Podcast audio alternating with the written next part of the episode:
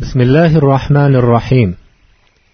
الحمد لله رب العالمين والصلاة والسلام على نبينا محمد وعلى آله وأصحابه ومن تبعهم بإحسان إلى يوم الدين. السلام عليكم ورحمة الله وبركاته. محترم aka ukalar opa singillar ushbu darsda riyozi solihin kitobidagi namozlar fazilati haqidagi bobda zikr qilingan hadislarni alloh taolodan madad so'rab sharhlashga kirishamiz. Alloh taolo namoz fazilatini bayon qilib inna solata tanha anil fahshai val munkar deydi. Ya'ni namoz fahsh va munkar ishlardan qaytaradi. Fahsh uyat so'zlar degani. Munkar esa barcha munkar ma'siyatlardir. Aziz birodarlar namoz qalblarni tarbiyalash uchun mashru qilingan. U kishini va jamiyatni kattayu kichik gunohlarni qilishdan saqlaydigan eng muhim va asosiy omillardan hisoblanadi. Lekin qachon shunday bo'ladi? Qachonki namozni olloh uchun xushu bilan shoshmasdan o'qilsa qachonki namozda ollohni ulug'lash unga duo ruku va sajda qilish qiyomda turish va qa'dada o'tirish kabi turli tuman ibodatlarni alloh uchun xolis qilinsa. Qachonki namozxon allohning buyukligini qalbida chuqur his qilib bu ulug' ibodat yolg'iz olloh uchun ekanini va uni to o'lguncha ado qilishga buyurilganini e'tiqod qilsa. Qachonki namozxon yuqorida zikr qilingan narsalarga to'liq ishonch hosil qilsa o'shanda namoz uni gunoh va ma'siyat girdobiga tushib qolishdan saqlaydi. Ana o'shanda namoz musulmonlarni yuksak darajalarga ko'taradi. Lekin har kim o'ziga savol bersinchi voqelikda namozlarimizni shunday o'qiyapmizmi? Allohdan barcha gunohlarimizni kechirib o'z toatiga muyassar qilishini so'raymiz. Namoz arab tilida solat deb ataladi. U arab tilida duo ma'nosida iste'mol qilinadi. Shariat esa duo ma'nosiga o'zi xohlagan ba'zi so'z va amallarni qo'shib ularni hammasini solat ya'ni namoz deb ataydi. Namoz alloh taolo bilan bandalar orasini bog'lab turadigan mustahkam aloqadir. U hijratdan bir yil oldin isro kechasi makkada farz qilingan. Islom dinida besh vaqt namozni farz deb e'tiqod qilish juda zaruriy vazifalardandir. Uning farzligiga qur'on sunnat va ijmo dalolat qiladi. Kimda kim besh vaqt namozning yoki ba'zisining farzligini inkor qilsa kofir bo'ladi. Chunki bu inkori bilan alloh taolo va uning rasuli bergan xabarlarni yolg'onga chiqargan bo'ladi. Namozning farzligiga va fazilatiga dalolat qiladigan dalillar juda ko'pdir. Alloh taolo va aqimus solata va atuz zakata deydi. Ya'ni namozni to'kis ado qiling. Zakotni bering. Boshqa oyatda esa mu'minina kitaban mawquta deydi. Ya'ni albatta namoz mo'minlarga vaqti tayinlangan farz bo'ldi. Demak har bir namozning tayinlangan vaqti bo'lib u shu vaqt kirmasdan oldin ado qilinsa qabul qilinmaydi. Lekin shariatning o'zi safar holatiga o'xshash ba'zi hollarda uni oldin yo keyinga surib o'qishga izn bergan bo'lsa u holda uni o'sha vaqtda ado etish joiz bo'ladi. Shuningdek payg'ambar sollallohu alayhi vasallamning sunnatlaridan ham namozning farzligi va uning fazilatiga dalolat qiladigan ko'plab hadislar vorid bo'lgan. Ushbu hadis shu dalillardan biridir. Payg'ambar sollallohu alayhi vasallamdan amallarning eng afzali qaysi deb so'ralganda o'z vaqtida o'qilgan namoz deb javob berdilar.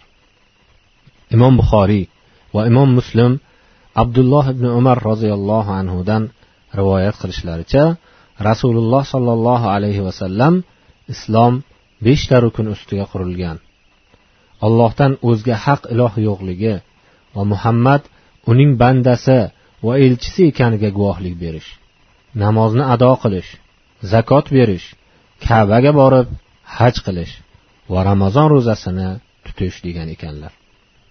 وعن أبي هريرة رضي الله عنه قال سمعت رسول الله صلى الله عليه وسلم يقول أرأيتم لو أن نهرا بباب أحدكم يغتسل منه كل يوم خمس مرات هل يبقى من درنه شيء قالوا لا يبقى من درنه شيء قال فذلك مثل الصلوات الخمس يمحو الله بهن الخطايا متفق عليه abu hurayra roziyallohu anhu rivoyat qilib aytadilar rasululloh sollallohu alayhi vasallam agar birortalaringizning eshigi oldidan bir daryo oqib o'tsayu unda har kuni besh marta yuvinsa kiridan biror narsa qoladimi deb so'raganlarini eshitdim sahobalar kiridan biror narsa qolmaydi deyishgan edi rasululloh sollallohu alayhi vasallam bu esa besh vaqt namozga o'xshaydiki olloh ular bilan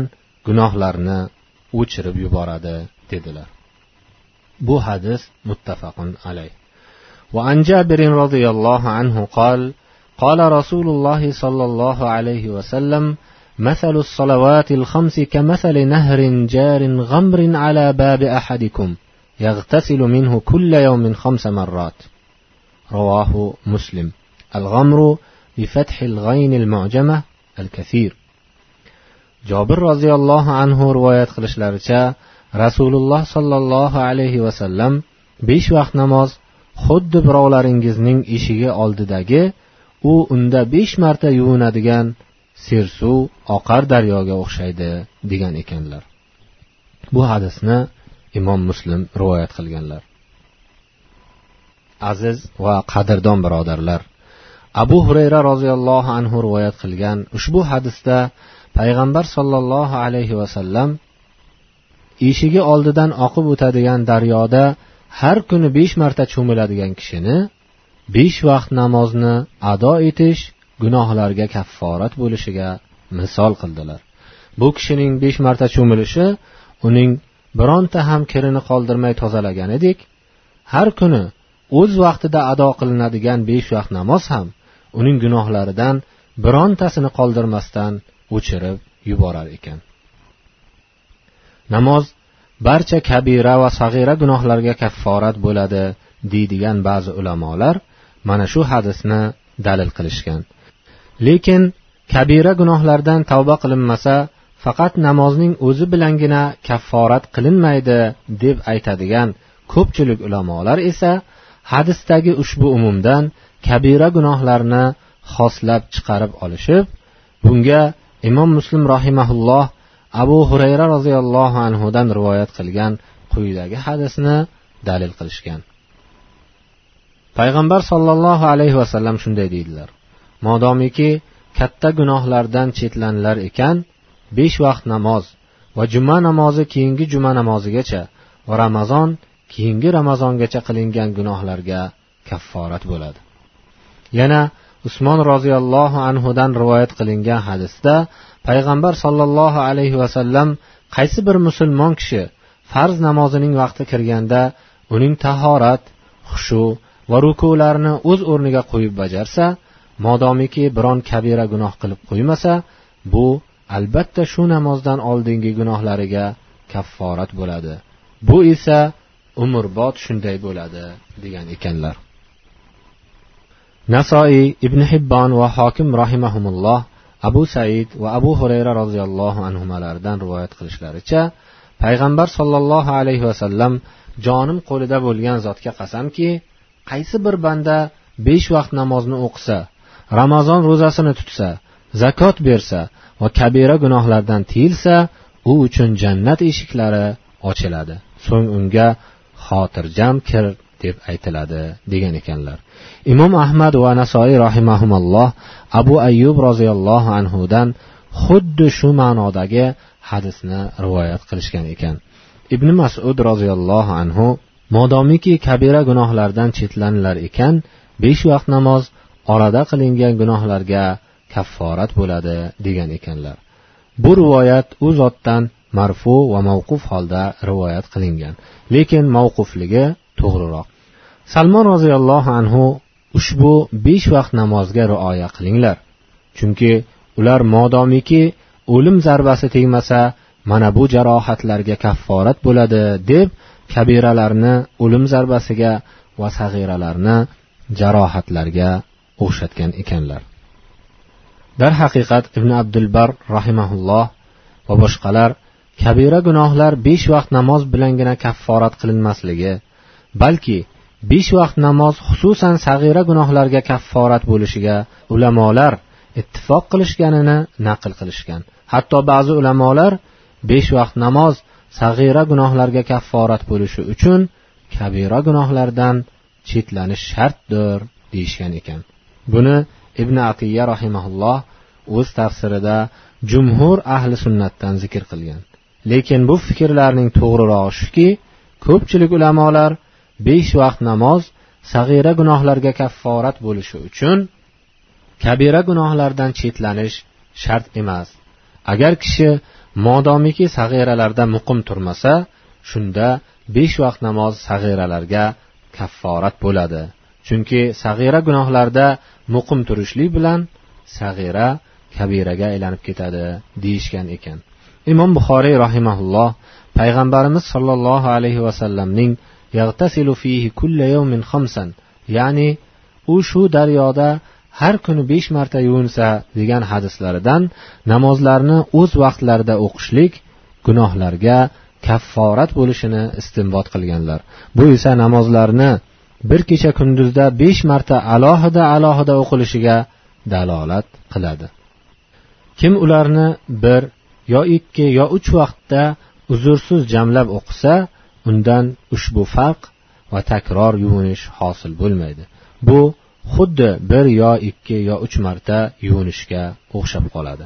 Imom muslim rohimaulloh usmon roziyallohu anhudan rivoyat qilgan hadis esa har bir namoz faqat o'zi va keyingi namoz orasida qilingan gunohlarga kafforat bo'lishiga dalolat qiladi.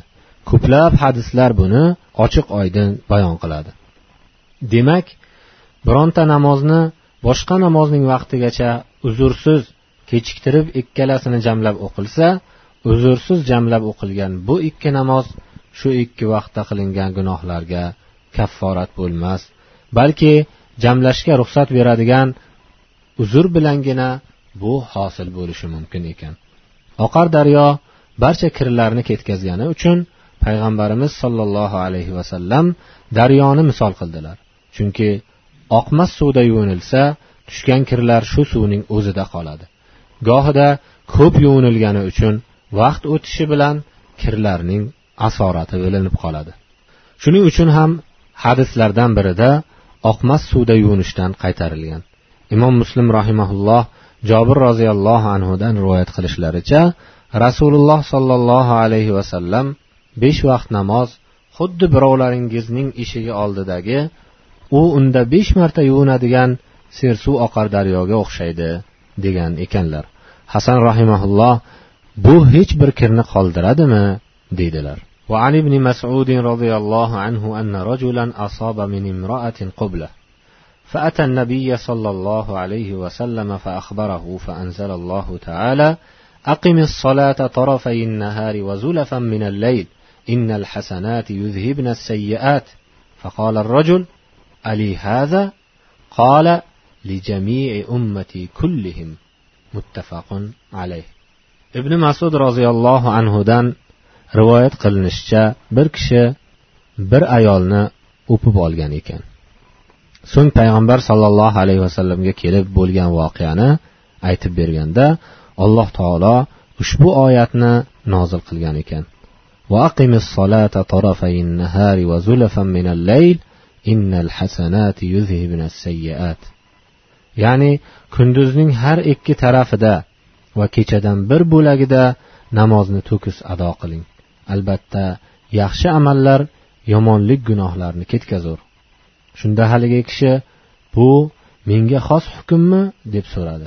Payg'ambar sollallohu alayhi vasallam ummatimning barchasi uchun deb javob berdilar. Bu hadis muttafaqun alayh. Ulamolar ushbu kishining nomida ko'p ixtilof qilishgan. Ibn hajar aytishlaricha eng kuchli fikr uning abul yusur ekanligidir.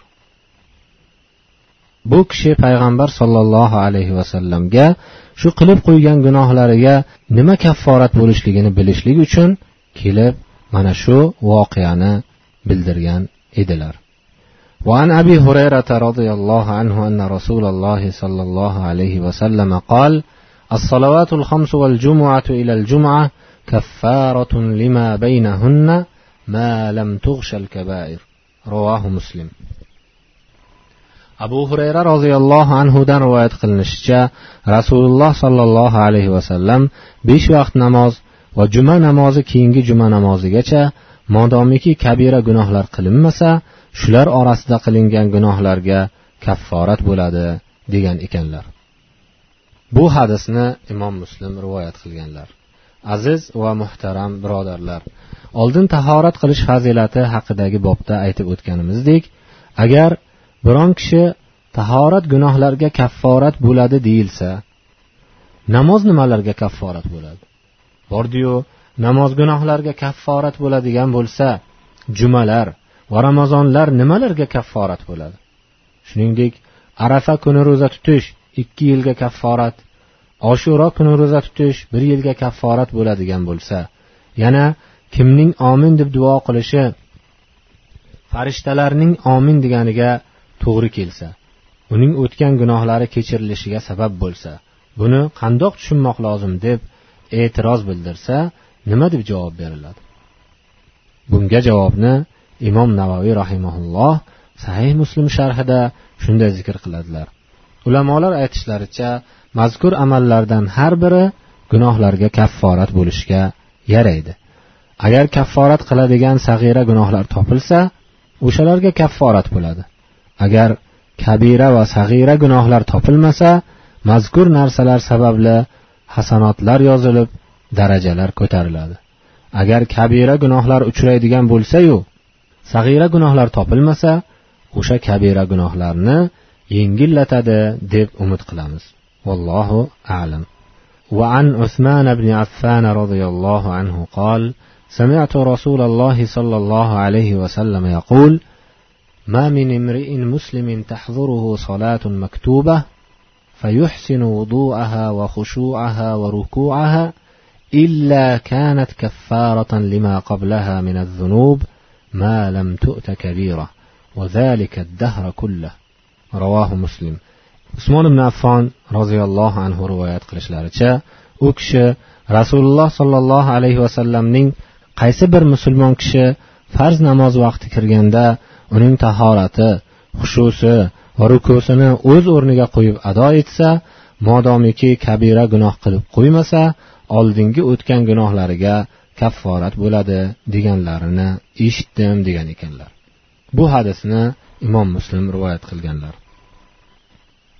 Alloh taolo namozlarida xushu qiladiganlarni maqtab o'z kitobida shunday deydi. Qod aflahal mu'minun allazinahum fi solatihim xoshiun ya'ni darhaqiqat mo'minlar najot topdilar. Ular namozlarida qo'rquv va umid bilan bo'yin eguvchi kishilardir. Yana aytadiki vastainu bis sabri vas va innaha lakabiratun illa alal khashiin. Ya'ni sabr va namoz o'qish bilan madad so'ranglar. Albatta u ya'ni namoz o'qish og'ir ishdir. Magar o'zlarining parvardigorlariga ro'baru bo'lishlarini va shubhasiz unga qaytajaklarini biladigan shikastanafs zotlarga og'ir emasdir. Ali roziyallohu anhu xushu qalbdagi shikasta nafslik safda turganingda musulmonlarga yelkangni muloyim qilishing va namozingda u yoq bu yoqqa burilmasliging degan ekanlar. Ibn abbos roziyallohu anhu xushu qiluvchilar qo'rquvchi sokin kimsalardir degan ekanlar. Hasan rahimaulloh aytadilar shu oldingilarning qalblarida edi. Shuning uchun ham ular ko'zlarini quyi solishib kamtarlik qilishgan. Mujohid rahimaulloh aytishlaricha xushu qalbdagi shikastanafslik va namozda qimirlamasdan turishdir. Yana aytadilarki xushu kamtarinlik va ko'zni quyi solishdir.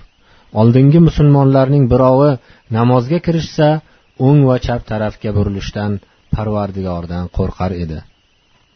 Yana aytadilarki ulamolardan birovi namozga kirishsa modomiki namozda ekan ko'zini olib qochish yo o'girilish yo biron narsani o'ynash yoki unutib qo'ymasa dunyo ishlarida fikr yuritishdan rahmondan qo'rqar edi. Said ibn jubayr rahimaulloh aytadilarki ya'ni ular o'ng va chap taraflarida kim turganini bilmaydigan ollohga shikasta nafs bo'lganliklaridan u yoq bu yoqqa burilmaydigan kamtarin kimsalardir. Huzayfa roziyallohu anhu namozida behuda qiliqlar qilib turgan kishini ko'rib agar bu kimsaning qalbi xushu qilganda a'zolari ham xushu qilgan bo'lar edi degan ekanlar. Aslida xushu deb qalbning xushusini aytiladi.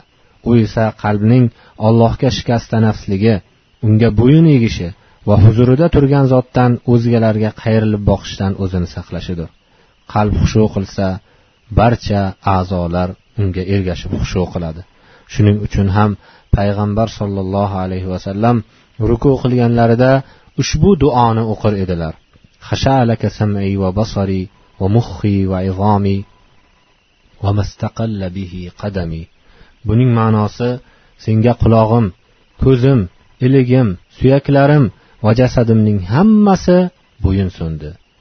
Shuningdek namozda ko'zni o'ng va chap tarafga qaratishdan saqlash lozim. Chunki bu shayton bandaning namozidan o'g'irlaydigan nasibadir. Ibn serin aytadilar rasululloh sollallohu alayhi vasallam namozda o'ngu so'lga burilib qarar edilar. Shunda alloh taolo alladinahum fi solatihim xoshiun degan oyatni nozil qildi. Ya'ni ular namozlarida qo'rquv va umid bilan bo'yin eguvchi kishilardir. Shunda rasululloh sollallohu alayhi vasallam xushu qilib o'ngu so'lga burilmaydigan bo'ldilar. Buni tabaroniy ibn sirin abu hurayradan naql qilishlaricha deb rivoyat qilganlar. Vaholanki bu rivoyatning mursalligi to'g'riroq. Sulaymon ibn yasor va imom abu hanifa savriy imom shofiy imom ahmad ishoq ibn rohavay va abu savr kabi ko'pchilik ulamolar namozxon uchun sajdagohiga qarab turish mustahab deyishgan ekan. Aziz va muhtaram aka ukalar opa singillar ushbu darsimizga yakun yasab alloh taolodan barcha gunohlarimizni kechirishini va namozlarimizni xolis o'zi uchun ado qiladigan bandalaridan qilishini so'rab qolamiz.